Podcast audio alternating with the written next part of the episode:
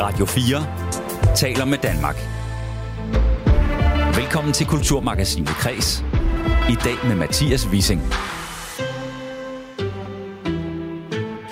Hver december siden 2006 har Dansk Sprognævn kåret årets ord. 2021 var året coronapas, 2020 var det samfundssind, og 2019 var det klimatosse, og på den måde bliver årets ord her i Danmark en slags historisk markør, som man også mange år ude i fremtiden kan kigge på årets ord og dermed afkode, hvad der har fyldt allermest i samfundet netop det år. I England der er det udgiverne bag den meget respekterede Oxford University Dictionary, som kårer årets ord, og det har de gjort netop i dag, eller rettere, det har de lavet befolkningen afgøre. Om lidt så kigger vi nærmere på årets ord derover og på hvad årets ord i det hele taget betyder, og det gør vi med en fremtidsforsker og selveste direktøren for Dansk Sprognævn.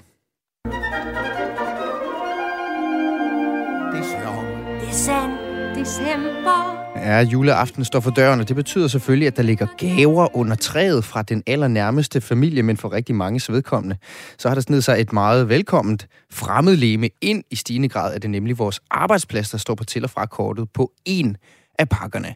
Det hænger ifølge en antropolog sammen med, at vores arbejdsplads gerne vil være en slags slægtning for os. Jeg spørger ham, hvad det går ud på senere i udsendelsen. Ved du, hvad jeg plejer at gøre, når jeg har brug for at få noget ud? No skriger jeg.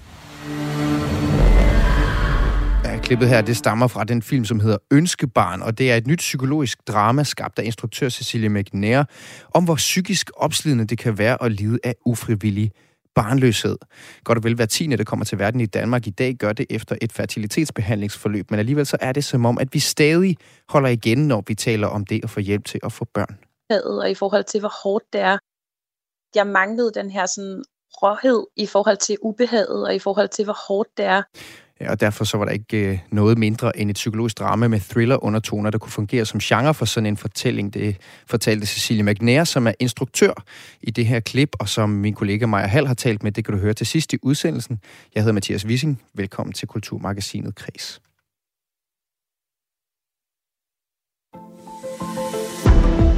Radio 4 taler med Danmark. Årets ord er goblin mode, eller hvis vi skal forsøge at oversætte det til dansk, sadistisk nissetilstand. Det fungerer ikke helt så godt på dansk, men det bliver vi klogere på lige om lidt.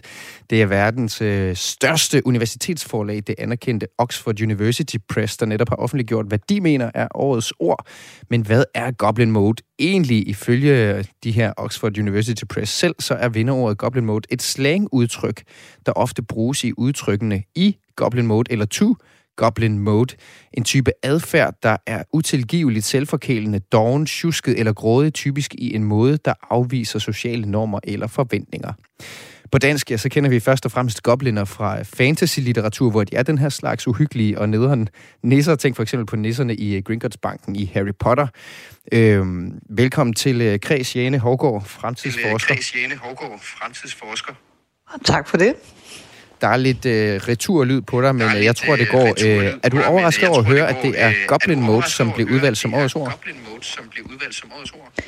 Nej, når man sådan lige kigger lidt ind i, hvad Goblin Mode egentlig er et udtryk for, så synes jeg egentlig, at øh, det resonerer rigtig, rigtig øh, stærkt, i hvert fald i det, vi øh, i fremtidsforskningen kigger ind i.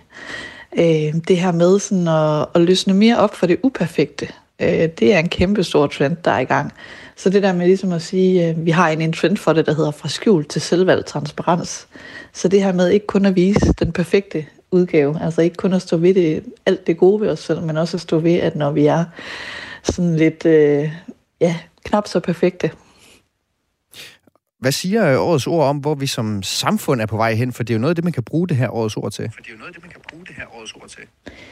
Jamen, jeg tænker egentlig, at, at det taler lige nøjagtigt ind i den her med, at, at vi begynder ligesom at eje mere alle vores karaktertræk, og alle, altså det her med, at vi skal ikke længere øh, fremstå helt så, øh, så perfekte, og alt, alt er, øh, er godt. Altså vi begynder sådan i, i højere grad egentlig at eje vores historie, har jeg lyst til at sige. Øh, så det tror jeg, at den sådan øh, større rummelighed og større fleksibilitet og større... Øh, forståelse for, at vi er alle mulige forskellige ting, og både gode og, eller både attraktive og knap så attraktive ting, tænker jeg egentlig. Så det der med, at vi har alle sammen den der goblin inde i os, og den skal vi også ligesom begynde at eje. Så det tænker jeg. Og det her ord, eller de her øh, to ord, goblin mode, det betyder jo doven, øh, tjuske eller grådig, typisk i en måde, der afviser sociale normer eller forventninger. Øh, hvor, hvorfor er det, øh, kan du sætte lidt flere ord på, at det er det her goblin mode, som er årets ord? Mode, som er årets ord. Ja, men det er jo, sådan, øh, det er jo typisk øh, det her med, at, øh, at den del, som ikke ser så pæn ud, øh, og det tror jeg, at, at det er bare sådan helt grundlæggende det, vi er i gang med, og, og ligesom sige, men, men vi er det hele, og det er okay, og det skal vi også have lov til at være. At det her med, det behøver ikke altid at være, øh, det kører sgu både på arbejdsfronten, og, øh, og jeg har, har i øvrigt også lige trænet tre timer i det, og altså sådan hele den der dyrkelse, vi har set, der er kommet med sociale medier, hvor vi gerne sådan vil fremstille os på en bestemt måde, det er, det er noget af det, vi kigger ind i, og noget af det, vi ser. Og noget af det, jeg tror, det er et udtryk for, at der sådan ligesom også er et opgør med den forventning, der, der sådan implicit med sociale medier er blevet bygget omkring, op omkring det her med, at sociale medier ligesom fremmer en vis udgave af sandheden. Og det er der sådan ligesom et oprør i gang imod.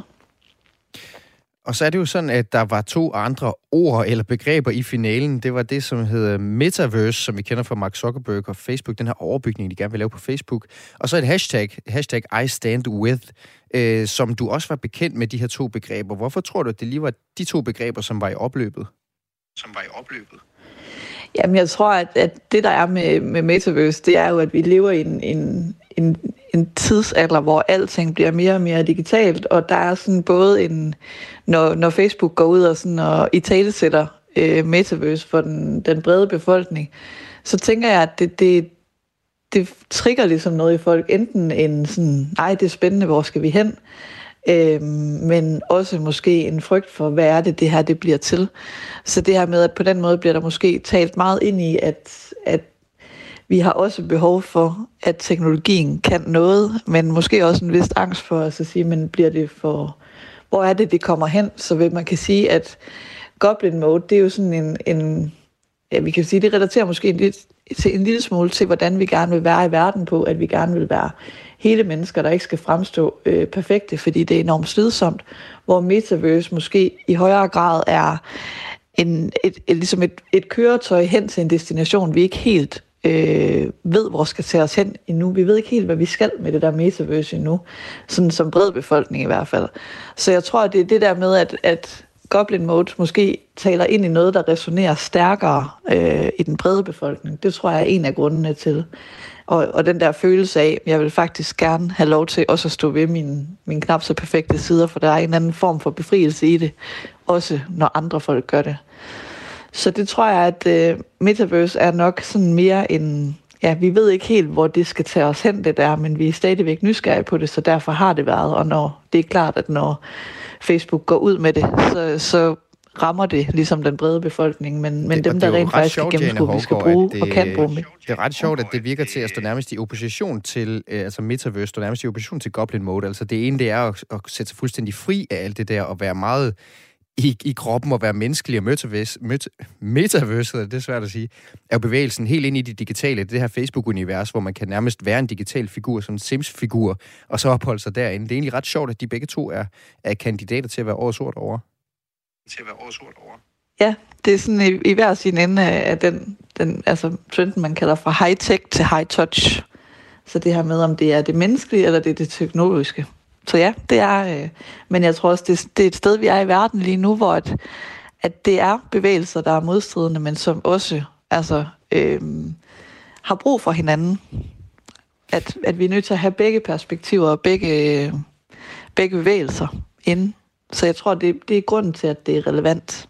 Og så er der jo Begge det her, det synes jeg også er interessant med det her I stand with, altså hvordan at der er en eller anden, som de, de, som de eksemplificerer det, så er det sådan noget med, at vi bruger internettet til meget at tage stilling.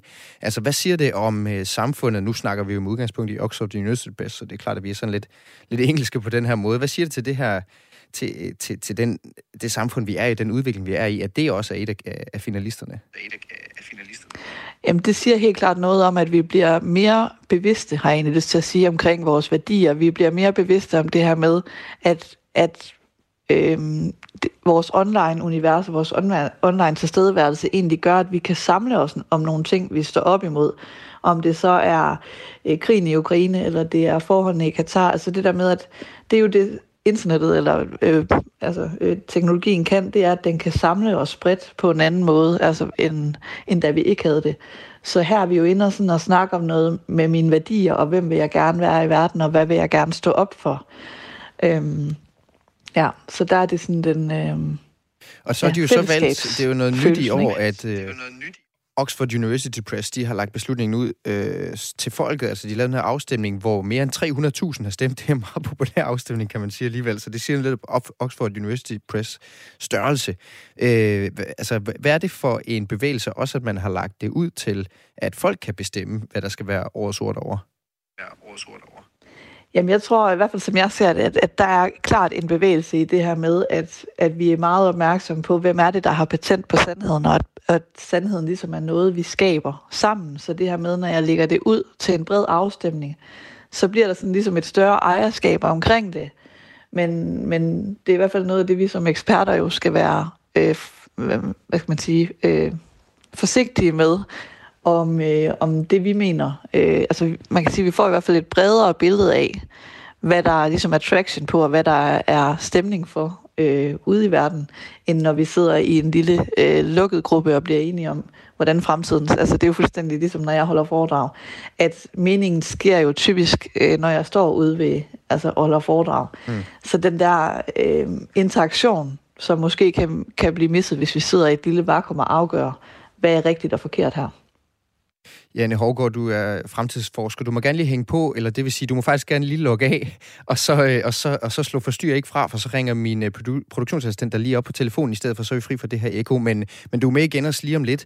Øh, jeg vil nemlig gerne sende den her bold også videre over til Dansk Sprognævn. Det er nemlig sådan, at Dansk Sprognævn, de vil ikke lade det være op til folk at vælge, hvad årets ord er. Det har de seneste år været coronapas, Øh, det var det 2021, og på fredag i næste uge, der kommer årets ord i Danmark, altså vores pendant til Goblin Mode.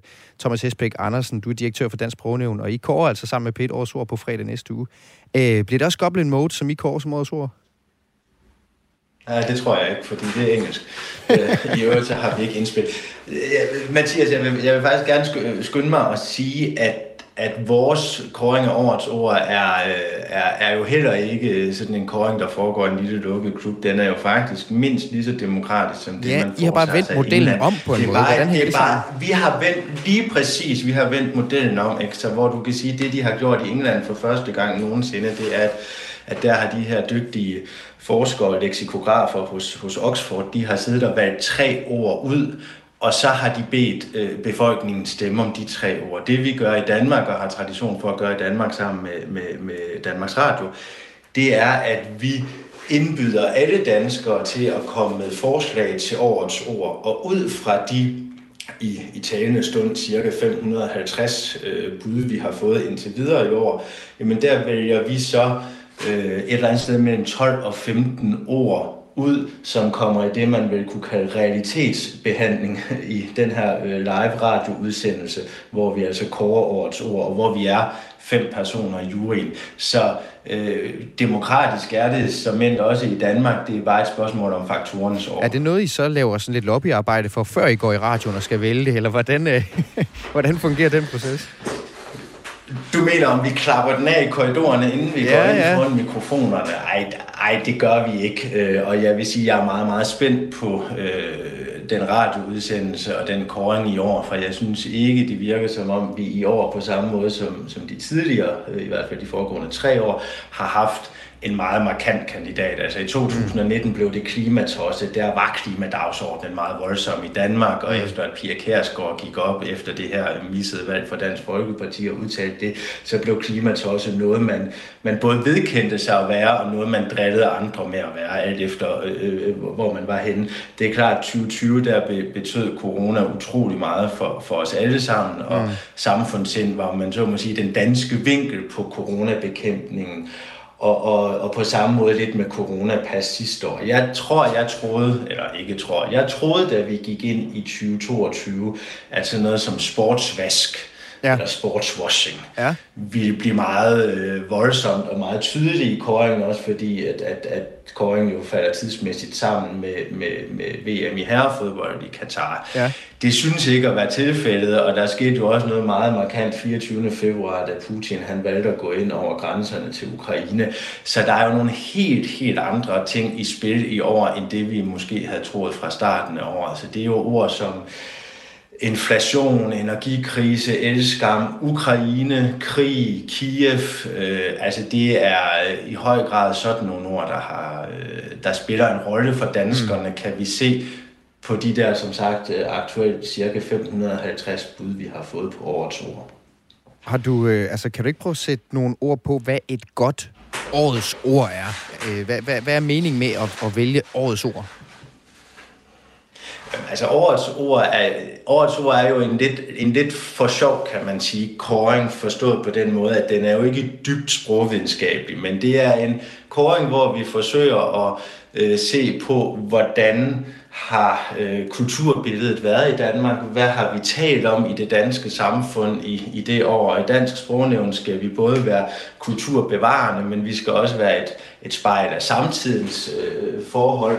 Og som sådan er det jo interessant for os at bidrage til, til debatten om sproget, og hvad har, vi, hvad har vi haft brug for, hvad har været på agendaen, for at bruge et engelsk udtryk, det forgangne år. Mm. Et godt års ord for mig er også et ord, der holder. Ikke? Altså, vi skal, mm. også, vi skal også tænke lidt på, øh, hvad der sker, når vi ser ned over listen af årets ord om to år, eller fem år, eller ti år. Og jeg er glad for klimatosse i 19, for samfundsind i 20, for coronapas i 21, for jeg tror sådan set, at hvis vi to mødtes om en 3-4 år øh, og, og, og kiggede på den liste, så ville vi kunne nikke til hinanden og sige, ja, samfundssind, det var, det var meget 2020. Ikke? Ja. Altså, så på den måde skal det være et ord, der har en, en, en, en almen udbredelse i, i, i samfundet, og ikke er, er en, en, en, en forbigående, flygtig tendens, men, men noget, der har været signifikant for de fleste danskere i det meste af det år, det handler om. Men, for vi kan jo blandt andet se, at ja, tidligere eksempler på årets ord er jo, og det der, det synes jeg at coronapas, det, det, det, det for mig at se, at det også ud på sømmet og, og samfundssind, klimatosse, virkelig sådan symptomatisk for, hvad vi har talt om de ord. Hvis jeg dykker lidt ned i listen, og nu er det jo ikke, fordi du skal stå på mål for det hele her, Thomas Hesbæk, men der har også været mm. undskyld tilbage i 2013. Hvordan kan, mm. Fordi det er jo ikke et, et nyt ord, kan man sige. øh, selvom det ikke er et ord, vi alle sammen er lige gode til at bruge, om end vi burde. Altså, hvad, hvad kan man bruge et ord som undskyld for? Hvad siger det så om, om 2013? Ved du hvad, jeg er fuldstændig enig med dig i, at når man kigger på listen, så er der ord, som ikke lever op til det, jeg lige har sagt. Og jeg er glad for, at jeg kun har været med siden 2019, for der synes jeg, jeg kan stå der på. Blev det bedre. Ja, der blev det bedre. Ej, men der er nogle år, der er jo nogle år, hvor der, du ikke har et lige så tydeligt, eller en, en lige så alt igennemtrængende, kan man sige, situation. Og så bliver, det, så bliver, det, så bliver tærsklen ikke så, så høj i forhold til at måske kåre over til. Jeg vil også sige sådan noget med, med hvidvask. Det kan godt være, at det var Danmarks største bank og så videre, en mm. skandale og, og, og, og voldsomt. Men, men så er det måske heller ikke mere øh, voldsomt for, for, for den største del af den danske befolkning og så videre. Mm. Så der har været nogle lidt mindre ord indimellem. For mig må det, må det gerne være et ord, der er signifikant og sigende for det meste af det, af det danske samfund. I hvert fald det, vi har talt om, de fleste af os. Øh, og, og, og det tror jeg også, vi ender med at kunne finde i år, for der er jo nogle geopolitiske og også nogle lokale situationer osv., som har betydet rigtig mange for mange danskere. Har du, har du en personlig øh, favorit, som du vil ud med, Thomas, eller, eller holder du kortene tæt ind på kroppen efterhånden, som den her, den her endelige dag, hvor vi skal vælge årets hvor nærmer sig? Jamen, som jeg, altså, hvis du nu havde spurgt mig for to år siden, så ville jeg øh, glædeligt have svaret samfundssind også på forhånd. Det synes jeg var så, så gennemtrængende. Det har jeg faktisk ikke, og det var egentlig også derfor, jeg sagde, at jeg, jeg er meget spændt selv på den ja. udsendelse, fordi jeg synes, der har, været, der har været virkelig mange ting, og der er også mange, mange, øh, altså der er mange ord i spil, og der er også mange begreber om, om det samme, om man så må sige. Ikke? Altså, det er klart, at vi har en del indspil i forhold til det, der foregår i Ukraine, men om det lige skal være Ukraine, eller Kiev, eller krig, eller hybridkrig, eller øh, mm. Putins terror, eller et eller andet. Altså, danskerne er jo også kreative, kan man sige, med deres ja. sprog, ikke? så ja. vi har mange indspil, kan man sige, på den måde. Jeg, godt, jeg skal lige smide den her omkring dig, Jane Hav, Havgaard. Du er fremtidsforsker. Jeg fik dig lige smidt over på en telefon, så jeg håber, vi ikke har det samme ekko. Øh, jeg er nemlig interesseret i også lige at høre dig, hvad du tror, at det danske ord for 2022. Vi har jo vores egen udgave her i Danmark. Hvad, hvad, hvad, tror, du, mm. øh, hvad, hvad tror du, det vil bygge på? Er vi også over i sådan noget goblin mode, eller, eller hvad tror du, vi er henne? Nej, jeg tror, at jeg er nok mere på Thomas' hold i det der, øh, hvor jeg tænker, at øh, for mig, øh, når jeg kigger på det, så tænker jeg også, at, at ord jo er ankre for os. Så det der med, når vi kigger tilbage på en liste, og sådan, at det ligesom trigger noget i, når ja, det var noget med. Altså om det så er Ukraine, eller det er krig, eller det er gasledninger, eller hvad det nu er. Men jeg tror, sådan, når jeg kigger på, hvad er det, der har fyldt i 20, og hvad er det, der fylder, når jeg kommer rundt i landet, så tror jeg, at det ligesom bliver det, der bliver det alt overskyggende. Øhm, i hvert fald, når jeg kigger med, med, hvor vi står lige nu med danske briller. Det bliver alt sammen øh, afgjort øh, fredag næste uge. Tak skal du have, Jane Hårgaard, fremtidsforsker, mm. fordi du var med. Selv tak. Og det samme til dig, Thomas Hesbæk Andersen, direktør altså for Dansk Sprognævn. Tak. Hvis du, der lytter med, har en brændende idé om, hvad årets danske ord skal være i år, så kan du faktisk stadig nå at skrive det øh, ind til Dansk Sprognævn nu, og det gør du så på deres hjemmeside inden den 9. december har du deadline for det. Det kan jo være midterregering, varmerekord, magtfuldkommenhed, det er ord, vi har brugt meget i år som indkapsel 2022, men det kan også godt ske, at vi skal til Ukraine, som vi hørte Thomas sige her. Radio 4 taler med Danmark. Ja, nedtælling til juleaften er i gang. Man kan selvfølgelig ikke sige juleaften uden at sige julegaver, og måske er du en af dem, der får en julegave fra din arbejdsplads. Og lad mig bare præsentere det, som det er. Sidste jeg skulle lige over på knapperne her. Sidste jul, der fik jeg et udskæringssæt, som jeg knap nok øh, har brugt. Det må nok indrømme, jeg har brugt det i omegn af 0 gange. Men sådan en firmajulegave, den har faktisk nogle lidt dybere perspektiver end bare at være et materielt overflodsprodukt. Nu kan jeg sige velkommen til dig, Bjarke Okslund, professor MSO ved Institut for Antropologi ved Københavns Universitet. Velkommen. Jo tak, goddag. Kan du ikke fortælle mig, øh, Bjarke, hvorfor at øh, nogle arbejdspladser i det hele taget overhovedet giver julegaver? Jamen det gør man, fordi gaven har en ånd, og ånden den vil altid gerne tilbage. Så derfor så etableres der et bånd. Udvekslingen skaber relationer, og øhm, på et nuværende tidspunkt, hvor vi har en rekrutteringskrise, så er der alt mulig god grund til for en virksomhed at sørge, eller søge at skabe så gode relationer som overhovedet muligt i forhold til medarbejderne. Mm. Og nu bliver jeg så til seneste jul øh, sådan en mellemglad ejer af et udskæringssæt. Øh, det ved jeg, alle mine kolleger også gjorde. Hvad er det, øh, virksomheden de forsøger, når de giver julegaver til alle deres medarbejdere, som sådan en rigtig julemand? Jamen, der tror jeg, øh, der er jo også en trend,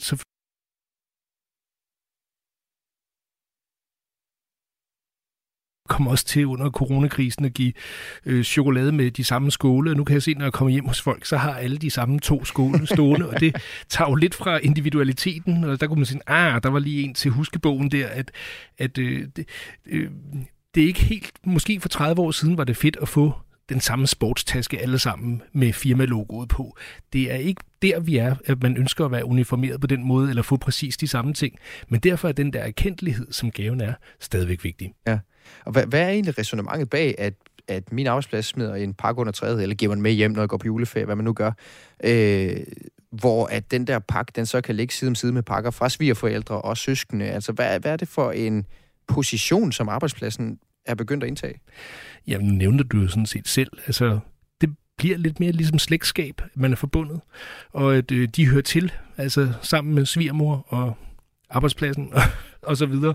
Og, øh, og hvis nu du ellers havde brugt det der forskæresæt, så vil du hver gang du brugte det, så vil du have tænkt måske øh, på din arbejdsplads og sendt en positiv tanke. Mm. Og det, og det, vil, det vil måske være øh, en, en god måde at, for virksomheden at få dig til at tænke på arbejde på en positiv måde, og på en måde, som måske også er mere omkostningseffektiv, end det er at give dig en lønforhøjelse. Ja. Ja, men, og, og, og, det, og når du siger det, så tænker jeg jo faktisk, at det lyder fint, men samtidig så er der også et lille element i mig, der siger, at jeg vil jo gerne, jeg vil jo gerne, være, jeg vil gerne holde fri, når jeg holder fri jo. Altså, hvad er, det for, hvad er der egentlig sket ved det her med, at, at ens arbejdsplads øh, bevæger sig ind i privatsfæren på den måde, uden sådan at være alt for polemiserende omkring det, kan man jo godt sige, eller hvad laver de egentlig der? Ja, det, nu kommer de jo ikke hjem og banker på og beder om at få lov til at sidde med lille juleaften. Så. Nu kan, ved du ikke, hvad min redaktør er jo. Men, uh... Nej, det er selvfølgelig, jeg har ikke mødt din chef. Det er rigtigt. Det, det, det forbehold skal vi selvfølgelig tage. Kan vi sige noget om, uh, Bjarke, hvorfor og hvornår at det er blevet kutume, at, at nogen af os ligefrem forventer at få en julegave fra arbejdet, fordi sådan har det jo ikke altid været. Nej, det er helt klart. Det er jo en tradition, som sådan bliver opbygget også på de enkelte arbejdspladser. Der findes jo også arbejdspladser, hvor man ikke har en, øh, en julegave.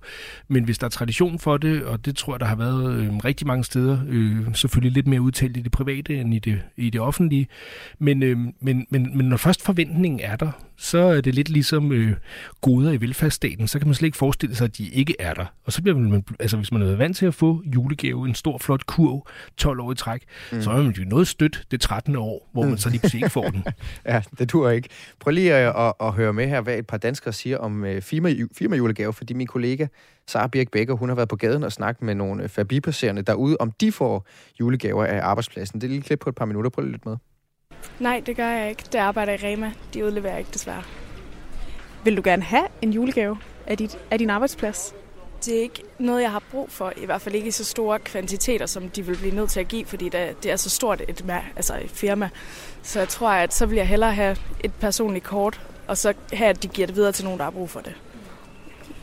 Og altså, hvorfor er det, at det lige præcis et kort vil gøre dig glad? Fordi det er mere personligt. Det er meget mere altså, julestemning, at din chef han skriver god jul og have det godt, i stedet for sådan et, en materiel ting, som altså pengene, der bliver brugt ud af det, det, kan gå til hinanden, og jeg har bare brug for et kort, fordi jeg får alligevel løn, så jeg kan jo ja, lige så godt få noget, altså få et kort. Gustav, får du gaver af din arbejdsplads her til jul? Ja, det gør jeg. Helt sikkert. Er det noget, du er glad for at få? Det sætter jeg stor pris på, at de anerkender os her til jul og er glade for os. Ja. Hvis du ikke fik den her gave, tror du så, du ville tænke over det? Ja, så vil jeg skifte arbejdsplads. Ja. Hvorfor, hvorfor er det så vigtigt med den her julegave?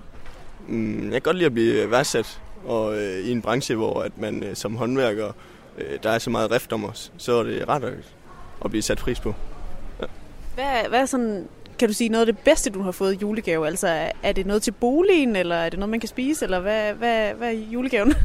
ja, men altså, det ligger på nogle gavekort af, af høj værdi. Ja. Og det er det, der gør juletiden sød for dig? Ja, det gør, at så betaler man alle julegaverne med det. Får du en julegave af din arbejdsplads? Nej, det gør jeg ikke. Vi, vi får måske øh, noget øh, alkoholfri gløk og nogle brunkager. Og hvorfor er det, du ikke får en julegave af din arbejdsplads? Det er, fordi jeg er offentlig ansat, så øh, vi får som regel ikke julegaver. Ikke? Kunne du godt tænke dig at få en julegave af din arbejdsplads? Nej, det synes jeg egentlig ikke er en offentlig opgave. Altså, jeg synes, det er ok, at vi ikke får noget, så ville det være bedre, at vi fik lidt højere løn eller et eller andet andet. Jeg synes, julegave kan være ret ligegyldigt. Kan en julegave være nok for dig til at hoppe over i det private erhvervsliv? Nej, det tror jeg ikke. Så det kommer ind på, hvad vi taler om. Hvis, jeg kan, hvis det er noget til flere millioner, så er okay. Hvad med en kaffemaskine? Nej. Nej. Ja, jeg fik jo hørt, det deler altså virkelig vandene, det her med at få firma julegaver. Der er nogen, der nærmest ikke kunne være mere lige glade, og så er der nogen, der er klar til at skifte arbejde, hvis de ikke får en ordentlig firma julegave. Altså, som en af dem pointerer her, så er der jo en, der siger, jamen jeg får jo løn alligevel. Øh, og det er jo egentlig det, man skal bruge fra sin arbejdsplads, kan man sige. Hvad er det, firma julegaverne giver ekstra, som løn ikke kan, Bjarke Oksholt? Jamen, det skyldes jo, at øh, penge er et generaliseret udvekslingsmiddel, som gør, at øh, altså, der, der kan man egentlig bytte, uden at, øh, uden at det har så mange bindinger. Mens gaven, den har netop en ånd, og derfor er det symbolsk mere ladet at få en gave. Derfor får den også større betydning. Og, øh, og vi kan jo så høre, at for den her øh, unge håndværker, der har det rigtig stor betydning, fordi han sådan set også har andre øh, muligheder. Det er nemt for ham at, at, at få sig en, øh, et andet job, og det, der betyder øh, julegaven så øh, rigtig meget mere, fordi det er en forventning, som er, er vokset frem ja. i hans branche. Ja, der bliver det lige, øh, der bliver det, lige det, det hele står og vipper med. Øh, du skal lige hænge på, øh, Bjarke Okslund, fordi jeg skal også tale med Rasmus. Rasmus G. Christensen, som er pressechef for Gavefabrikken. Du er også i studiet. Velkommen til, Rasmus. Mange tak. For en stor del af Danmarks befolkning, så er I jo øh, faktisk julemanden. I leverer nemlig over øh, en million firmajulegaver, men du har fortalt, at de her firmajulegaver, de bliver større og større år for år. Ja. Hvorfor gør de det? Jamen det er der jo forskellige årsager til. Nu har vi jo været igennem sådan to ret mærkelige år med corona, og der har været mange gode grunde til det, hvor julefrokosterne har været aflyst, og folk har været tvunget til at være derhjemme, så der har været endnu mere brug for de her relationer, som, øh, som der blev talt om lige før. Øh, og der har været skruet op for, øh, for budgetterne. Øh, I år kan vi se, at vi er stadigvæk præget af det her med, at øh, virksomhederne har svært ved at rekruttere og fastholde de gode medarbejdere. Øh, det kan godt være, at økonomien ser lidt anderledes ud ude i horisonten, men altså vi er stadig i en situation, hvor, hvor øh, påskyndelsen ud til medarbejderne, den er, den er væsentlig at sende et signal om. Så, øh, så det er det, vi hører fra vores kunder, og derfor er gaverne faktisk også vokset med cirka 8% i år. Ja, så, så, så en, en 8% større slikkurve og en 8% større, øh, eller i hvert fald for, for mere værdi, får man simpelthen 8% i, øh, i 2022? Ja, altså nu øh, er vi jo øh, en af de absolut store spillere på det her marked, og derfor har vi jo nogle ret valide statistikker på det her, og samtidig så har vi så frosset priserne på 2021-niveau, så vi kan jo sige, at de der 8% er i hvert fald ikke inflationens skyld. Mm. Øhm, men men øh, der er ikke nogen tvivl om, at øh, man får en hel del mere for det, og øh, så er det jo så spørgsmålet om at få valgt lige præcis det, som gør medarbejderne glade og få dem til at tænke på dem, og ikke et forskærsæt, som de sætter ind i skabet. hvor, st- hvor stor forskel er der fra, fra høj til lav her, har jeg lyst til at spørge dig om. Altså, hvad, hvad, hvad, hvad, er, den, hvad er den øvre grænse for, hvad man kan få i julegave af sit firma, hvis man virkelig arbejder et flot sted? Jamen altså, i princippet er der jo ikke nogen øvre grænse, så længe man er villig til at betale skat af det, men, øh, men skat har nogle, øh, nogle grænser øh, for, hvor meget man må øh, modtage, uden at blive skattepligtig. Mm. Og isoleret set for julegaven er det 900 kroner, og så er det 1200 kroner på årsbasis. Mm. Hvad, hvad, hvad er det for nogle julegaver, som, som hitter derude i år? Jamen altså, der er øh, rigtig mange designjulegaver, især nogen, der har øh, noget mere fokus på bæredygtighed. Øh, og så er der også nogle oplevelser, der hitter. Altså hos os, der har vi en, øh, en stol, der er designet af øh, Arne Jacobsen. Øh, en stol, der hedder Myggen, øh, som øh, er meget, meget populær i år. Øh, vi har også... Er den en, inden for budget? Ja, den er inden for okay. budget, og det, det er jo klart, at vi kan, vi kan skaffe nogle, nogle lidt bedre priser på nogle af de her meget attraktive ting, fordi ja. vi sælger så mange af dem. Men, øh, men jo, den er inden for budget. Ja, og, og, og hvad, hvad, er det, altså, hvad er det ellers, og hvad har det været? Fordi jeg ved, at det også under corona for eksempel, så tilpassede man også ligesom gaverne til, hvad der passede til folks arbejdssituation. Absolut. Øh, altså det er sådan, at øh, der er som sagt ret stor fokus på, på bæredygtighed, og det er jo især på, på materialevalget og holdbarheden. Det gælder både slidstyrke og, og, og designet. Men altså i gamle dage var det jo typisk den der julekurv, mm. øh, og, og der var meget sådan en one size fits all tilgang til det. Mm. Men øh, i dag er det jo sådan, at øh, 55 procent af danske virksomheder øh, og offentlige institutioner i øvrigt giver, øh, giver julegaver. Øh, og 45 procent af, da, af de danske ansatte siger, det er enten vigtigt eller meget vigtigt at modtage en. Ja. Øh, så, så der er et, øh, et stort fokus på at gøre det rigtigt, og derfor er de her øh, forskellige valgkoncepter, hvor man kan få lov at vælge noget, som man rent faktisk får glæde af, øh, det er der ret stor fokus på. Det er jo også med til at bekæmpe den her brug og smid væk, eller i dit tilfælde brug og sætte ind i skabet. Ja, brug at kigge på en gang imellem og, og flytte rundt på det, hvis Ja, præcis. Det. Men det, jeg hørte sige, det er, at, at der er det her, hvor man får, øh, hvor virksomheden vælger noget, som de gerne vil give til deres medarbejdere, men så den anden model, og hvad kan vi kalde den anden model, de her altså, koncept? Ja, men det er jo sådan en slags valgfrihedskoncept. Altså, øh, vi har flere forskellige gaveshops. Man kan også lave dem, hvis man er tilstrækkeligt stor, så kan man lave nogen med et bestemt fokus. Vi har nogle virksomheder, der har været fokuseret på sådan noget som sundhed, for eksempel. Så kan det have været fitnessure, eller det kan have været udstyr til køkkenet, til at lave øh, dejlig mad med, osv. Der kan have været flere forskellige øh, aspekter af det. Men, øh, men, men typisk så, så vil man have adgang til at vælge mellem sådan et, et, et udvalg inden for en bestemt priskategori, øh, som, som allerede er, er prædefineret. Og den måde bliver lidt nemmere at ramme noget, øh, som, som kan ramme både Pigolinen og, øh, og underdirektøren. Ja, øhm, så kan de selv gå ind og klikke klikke sig frem til det, de helst vil have. Præcis, ja. ja. Jeg skal lige have dig, Bjarke Okslund, øh, ind i snakken igen. Du er som sagt professor MSO ved Institut på Antropologi på, på Københavns Universitet. Kan du ikke øh, prøve at opklare for os, hvor, hvorfor det lige netop er, er den her måde at vælge gaver på, altså sådan en, hvor man på en eller anden måde bestiller, hvad man, hvad man helst vil have som hitter lige nu, fordi så kan man jo principielt, hvis der alligevel ikke er en eller anden stor tanke mellem at udvælge lige præcis det produkt, vidderligt lige så godt bare give pengene jo. Ja, men det er et godt spørgsmål. Man kan sige, på den ene side er det selvfølgelig udtryk for en individualisering, som er blevet mere udtalt. Man vil ikke bare have det samme, den samme mm. sportstaske med firma-logo på, som måske var gangbar for 30-40 år siden. Mm. Og så er det jo netop også et spørgsmål om, at man har måske så stor en mangfoldighed inden for sin medarbejdergruppe, at det rent faktisk kan være ret svært at ramme helt rigtigt. Og derfor så øh, den frit valg tankegang, som ligger i de øh, produkter, som Rasmus omtaler her, den giver jo mulighed for, at man både kan give noget, som sætter en tematik, men hvor man så alligevel øh, selv har en vis indflydelse på at få valgt. Og det giver også øh, medarbejderen en følelse af, at, øh, at, øh, at der måske er tænkt lidt mere over det, og der er mulighed for at præge det selv. Og det, øh, det passer godt til tidens tern, øh, ja. om man så må sige, fordi øh, øh, der bliver både sat en ramme, men der bliver også mulighed for at, at, at præge noget på en måde, sådan, så det ikke bliver helt ubrugeligt. Og det kan jo også i sig selv være altså netop klimabæredygtigt ja, øh, på ja. en helt anden måde. Ja. Og, det, og det der, øh, lige præcis det der, det ser jeg jo min, til min familie hver jul, hvor jeg sender min ønskeliste, så siger jeg, vælg nu bare noget på den ønskeliste, fordi det er bedst for alle. så er vi fri for alt det her. Men er det ikke også det, der fjerner det fra at være en gave, øh, til bare at være en gestus? Jo, og det er jo også det, der er lidt morsomt, fordi du, du spurgte tidligere om, hvad laver virksomheden inde i privatsfæren. Mm. Men omvendt, så kan man jo også sige, at øh, det, man kan se med teenagerne i familien, ikke, det er jo også, at de i stigende grad ønsker sig penge og gavekort, fordi de netop vil have det der valg selv. Mm. Altså, mm. det er mere inspirerende at gå ud og kigge og finde det helt rigtige, end det er på forhånd at skulle øh, definere. Så, så vi kan sige, at, øh, at vi er i, øh, i et terræn, hvor i virkeligheden firmagaven og familiejulegaven måske begynder at nærme sig hinanden, fordi du har det her frit valg på firmajulegaven, og ja. du har mange af de her gavekort øh, eller byttevarer under juletræet. Ja, ja. Øh, og, og Rasmus, du er som sagt øh, pressechef ved Gavefabrikken. Prøv lige, prøv lige at sige igen, hvordan det fordeler sig, det her marked blandt firmaer. Altså, hvor stor er efterspørgselen på den her, øh, de her valgkoncepter, hvor, man, hvor, hvor at, at den ansatte selv kan gå ind og vælge inden for den prisramme, som de gerne vil have, i forhold til det her med at sige, jamen, I får altså alle sammen det udgangssæt? Jamen, det er faktisk sådan, at vi har spurgt over 1000 danskere øh, i, i arbejde om, hvad de, hvad de foretrækker her. Og der siger, øh, der siger 42 procent faktisk, og det er klart den største gruppe, at de ønsker sig øh, en form for valgfrihed på den her måde. Øhm, og, og, og det er jo selvfølgelig noget, som, øh, som vi efterkommer med produkterne. Mm.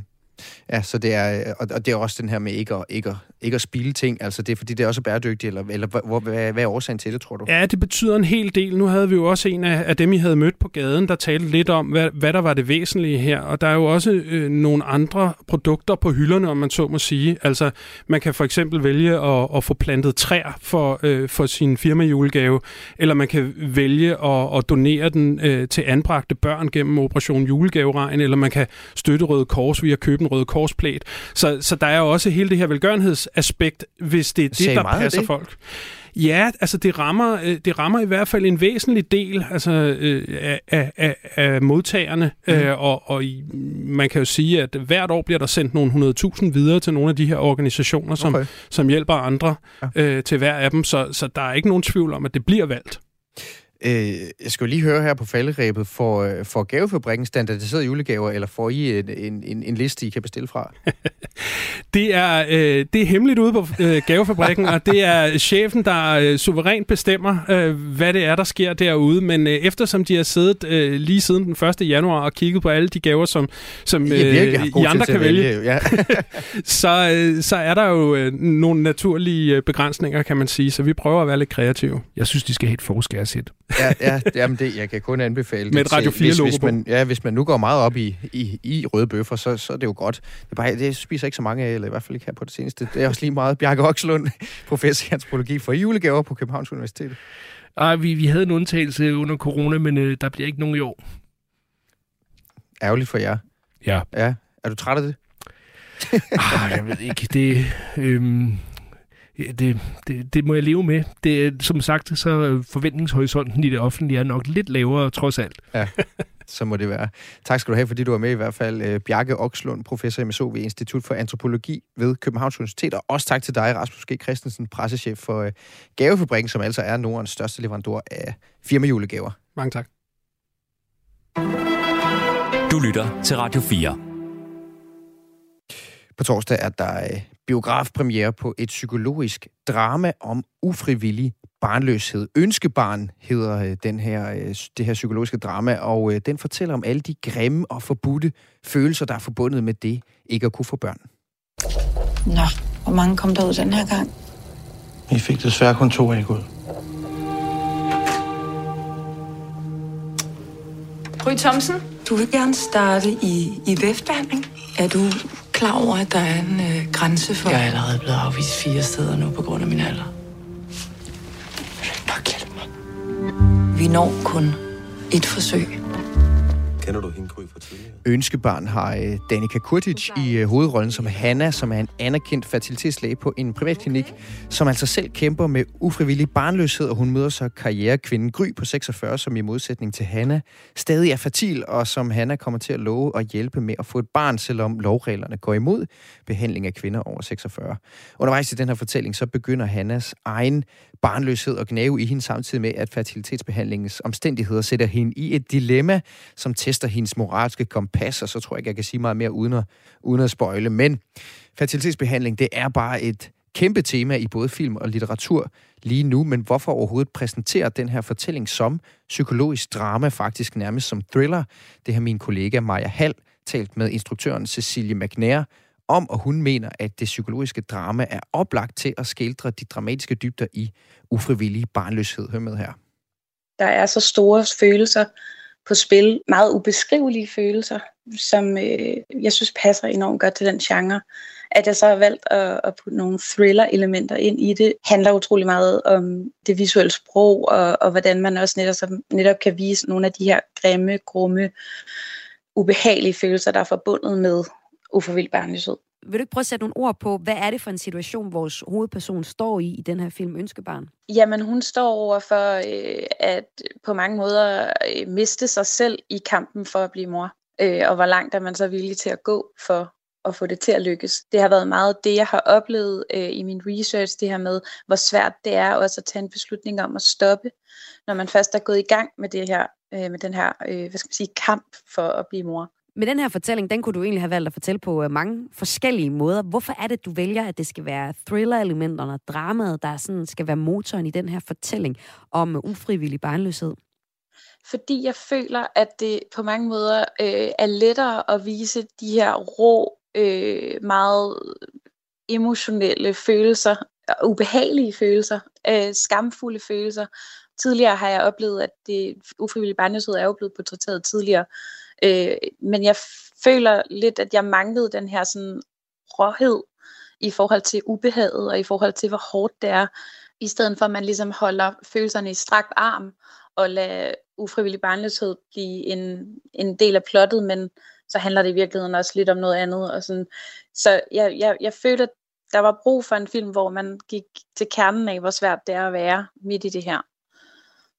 Men kan du forstå, hvis der er nogen, der tænker, en film om fertilitetsbehandling, lavet som drama. Det er et sjovt mix. ja, men det håber jeg, der gør, at folk går ind og ser den. ja. Var du noget på noget tidspunkt i tvivl om, hvilken genre du skulle fortælle din historie med? Ja, det var jeg. Og jeg tror også, at vi har været altså, omkring den rene thriller, hvor at det var det var helt tydeligt, at det, det var heller ikke helt rigtigt. Altså, var nogen skulle øhm, dø? ja, præcis.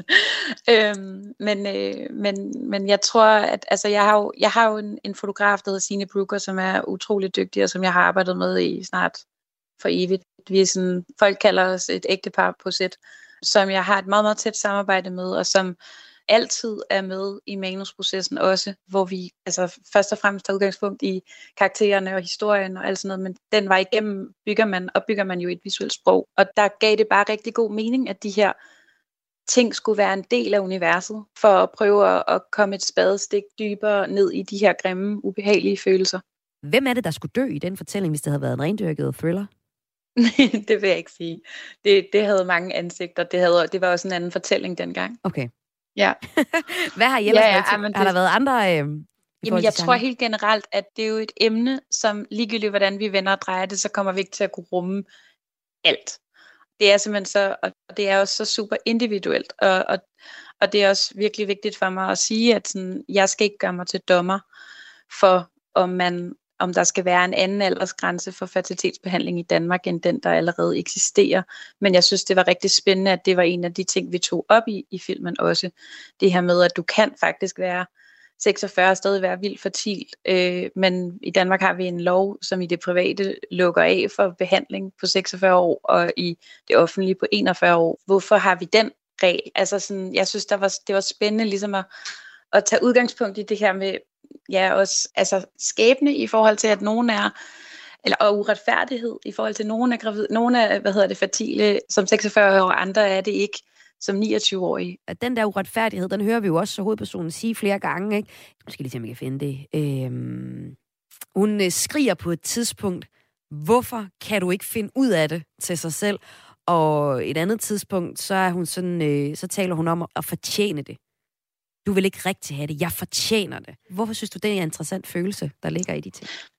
Jamen, jeg tror, at det er fordi, der ligesom ligger noget i, i, den, i det samfund, vi har bygget op, en norm om, at det er en menneskeret, eller måske er det rettere at sige en menneskedrift at få børn. Altså, vi, vi, vi leger stadigvæk, selvom vi har fået øh, regnbuefarver på osv., så, videre, så leger vi stadigvæk ud fra den norm, at det rigtige, det er at, få, altså, at være farmor og børn. Og det, derfor er man på en eller anden måde som ufrivillig barnløs stadigvæk, så er man ekskluderet fra det fællesskab. Og jeg tror, at i hvert fald med udgangspunkt i min egen karakter, øh, altså i, i Hannes, i hovedkarakteren i filmen, jamen hun vil gerne være en del af fællesskabet. Mm. Og hun er partout forkert, fordi hun ikke kan blive gravid, fordi hun ikke kan blive mor. De skamfulde følelser tror jeg stadigvæk, at der er rigtig mange mennesker, der dealer med i dag. Og det oplevede jeg helt vildt meget i min research til den her film, at mange af dem, der var i fertilitetsbehandling, de oplevede sig forkerte, fordi det ikke lykkedes. Altså de oplevede, at deres liv ikke var fuldendt, fordi de ikke lykkedes i moderskabet eller i forældreskabet. Cecilie McNair, det her det er en film med øh, en kvinde i hovedrollen, og øh, den person, hun konflikter i særlig grad med, er også en kvinde. Det er også to øh, karrierekvinder. Men hvis vi nu starter med det her valg om, at det er kvinderne, der er i hovedrollen, hvorfor er mændene ikke mere med? Hvorfor har du, øh, eller hvorfor har I fravalgt dem i øh, Ønskebarn? Jamen, altså det var virkelig, det var også en del af processen af at nå, nå frem til øh, altså den færdige film, eller hvad man siger, eller den, det færdige manuskript, at, at det er så stort det her emne, at jeg, der er virkelig også en spændende historie i at fortælle mandens historie øh, i, det, i det her. Øh, men det var, der var bare ikke plads, altså fordi så skulle man, tage, så skulle man vælge. Og jeg, nu synes jeg, at det var, altså, det lå mig nærmest at fortælle kvindens historie først og fremmest, men ikke at sige, at den anden ikke er meget vigtig også. Og hvad med den her pointe i forhold til, at det er en karrierekvinde, du har valgt at putte i hovedrollen? Hvorfor? Jamen, igen også fordi, at det føler jeg også er en, en ting i vores samfund, og apropos fællesskaber og norm, og sådan at vi, vi, øh, vi skal ligesom som kvinde have det hele på plads, og nu for at tage udgangspunkt i mit eget liv, altså vi har brugt hele vores 20'ere på at passe på ikke at blive gravide. Og pludselig, og så have styr på vores karriere, og få opbygget og, og, og, og den, og sådan få styr på det, og så pludselig, så går det op for os i 30'erne, at det faktisk måske burde vi være startet lidt tidligere på det der med børn, hvis det er også, altså det, det er også en norm, vi skal, det er også noget, vi skal leve op til.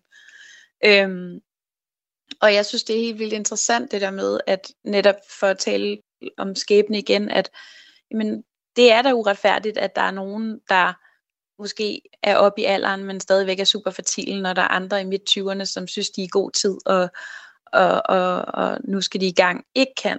Øhm, og det er jo meget det dilemma, jeg stiller spørgsmålstegn til i filmen, at det er uforudsigeligt, og det er også det, der gør det så svært, og ubes- altså, det er også det, der gør, at følelserne er så svære at beskrive, fordi det er sådan, der er ikke noget, vi sådan nødvendigvis kan gøre for så at opnå målet. Cecilie McNair, når jeg ser Ønskebarn, så er der flere øh, højdramatiske scener, hvor jeg skulle kalde på min kæreste. det blev for uhyggeligt. Der er sådan nogle øh, scener, som jeg også genkender fra andre thriller dramafilm. Sådan noget, vi er nede i en parkeringskælder, og øh, den, vi har den største konflikt med, eller vores hovedperson har den største konflikt med, ser hun i bagspejlet. Der er også den her øh, scene, hvor nogen bryder, ikke bryder ind, men du ved, øh, går ind hos hovedpersonens hjem, og man vil ikke have det. Eller mand. Jeg vil heller ikke have det. Jeg er totalt på hold med, med din hovedperson. Hvad, hvad har du gjort dig tanker om at lave de her ekstremt dramatiske scener på emnet igen? Fertilitetsbehandling. Jamen, jeg tror egentlig, at det har været meget det der med, sådan, hvor langt kan vi, kan vi også gå dramaturgisk i, sådan, er det i virkeligheden hendes egen sådan, øh, altså, er der, er der, hvor, hvor er virkeligheden, og hvor er det hendes eget hoved, der går fuldstændig, hvad skal man sige, balajka i, i, i, i hormon, øh, behandling og så videre. Altså, jeg tror, at det er svært, uden at komme til at spøjle for meget, øh, og fortælle andet end at det jo har været en, ja, hvordan, hvordan portrætterer vi de her følelser mest ærligt, og også øh, med interesse i øh, øh, spænding for et publikum, der skal se filmen. Og hvem er publikummet, øhm, der skal se filmen? Jamen, jeg håber, det er øh, både min forældres generation, som jo langt hen ad vejen er pårørende til mange af dem, der står i i øh, en, en fertilitetskamp. Øhm, og jeg håber, at det er mennesker, der er i fertilitetsbehandling. Jeg håber, at det både er kvinden og manden. Og jeg håber også, at det er unge mennesker, der måske står på trapperne til at øh, skulle prøve at, at blive gravid. Øhm, så jeg håber, den kan ramme lidt bredt. Jeg håber ikke kun, det bliver kvindernes film. Og det sagde altså øh, instruktør på filmen Ønskebarn Cecilie McNair til min kollega Maja Hall. Faktisk så er det sådan, at mere end 10 procent af en fødselsårgang herhjemme formodes undfanget ved hjælp af fertilitetsbehandling. Antallet af fertilitetsbehandlinger har med undtagelse af en lille nedgang under covid-19 været stødt stigende de seneste 10 år alene i 2021. Ja, der blev 37.560 fertilitetsbehandlinger ifølge data fra Sundhedsstyrelsen påbegyndt i det danske sundhedsvæsen. Og den her film om ufrivillig barnløshed. Den har Danica Kurtic i hovedrollen, og den har som sagt biograf mere på torsdag. Du lytter til Radio 4. Og her i Kulturmagasinet Kreds, der skal vi også i slutningen af udsendelsen omkring en tragisk historie. I fredags der fik vi nemlig nyheden om den 24-årige sanger sangskriver Hugo Helmis død. Det skrev hans far, sangeren Thomas Helmi, på Instagram. Hugo Helmi han døde den 23. november og blev begravet i torsdags. Så som det rigtig ofte sker, når øh, musikere går bort, så har der sidenhen været et boost af afspillinger af Hugo Helmis musik på streamingtjenesten Spotify, da Hugo Helmis hit Please Don't Lie kom ud i 2017. Ja, så ramte det hitlisterne, og faktisk i så høj grad, at det blev den mest spillede sang i dansk radio det år. Og i den her weekend, fem år senere, der var den så tilbage på øh, Spotifys top 50 i Danmark med over 40.000 afspillinger, altså som udslag af, at lyttere og fans i hele landet mindes den her mega talentfulde unge kunstner. På vej ud af Kulturmagasinet Kreds i dag får du derfor Please Don't Lie. Programmet var i dag tilrettelagt af Sara Birk Becker og Maja Hall. Jeg hedder Mathias Wissing. Om lidt er der nyheder. Tak fordi du lytter med. Baby, please don't lie, please don't lie to me. Do you have it all? Please don't lie to me. You know I can't ignore you're posing for a perfect picture while you hide behind a pretty smile. Please don't lie, please don't lie to me. I want you out on the dance floor. Ain't that what you came for? Be right here, right now. No need to act like you own it. You're staging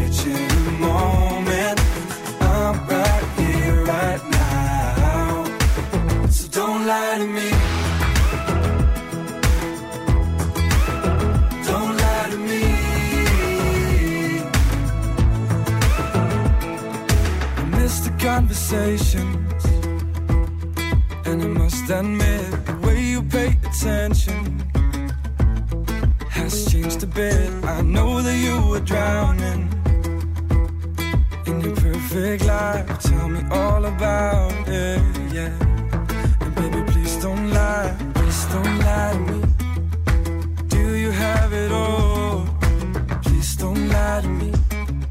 You know I can't ignore you're posing for a perfect picture while you hide behind a pretty smile. Please don't lie, please don't lie to me.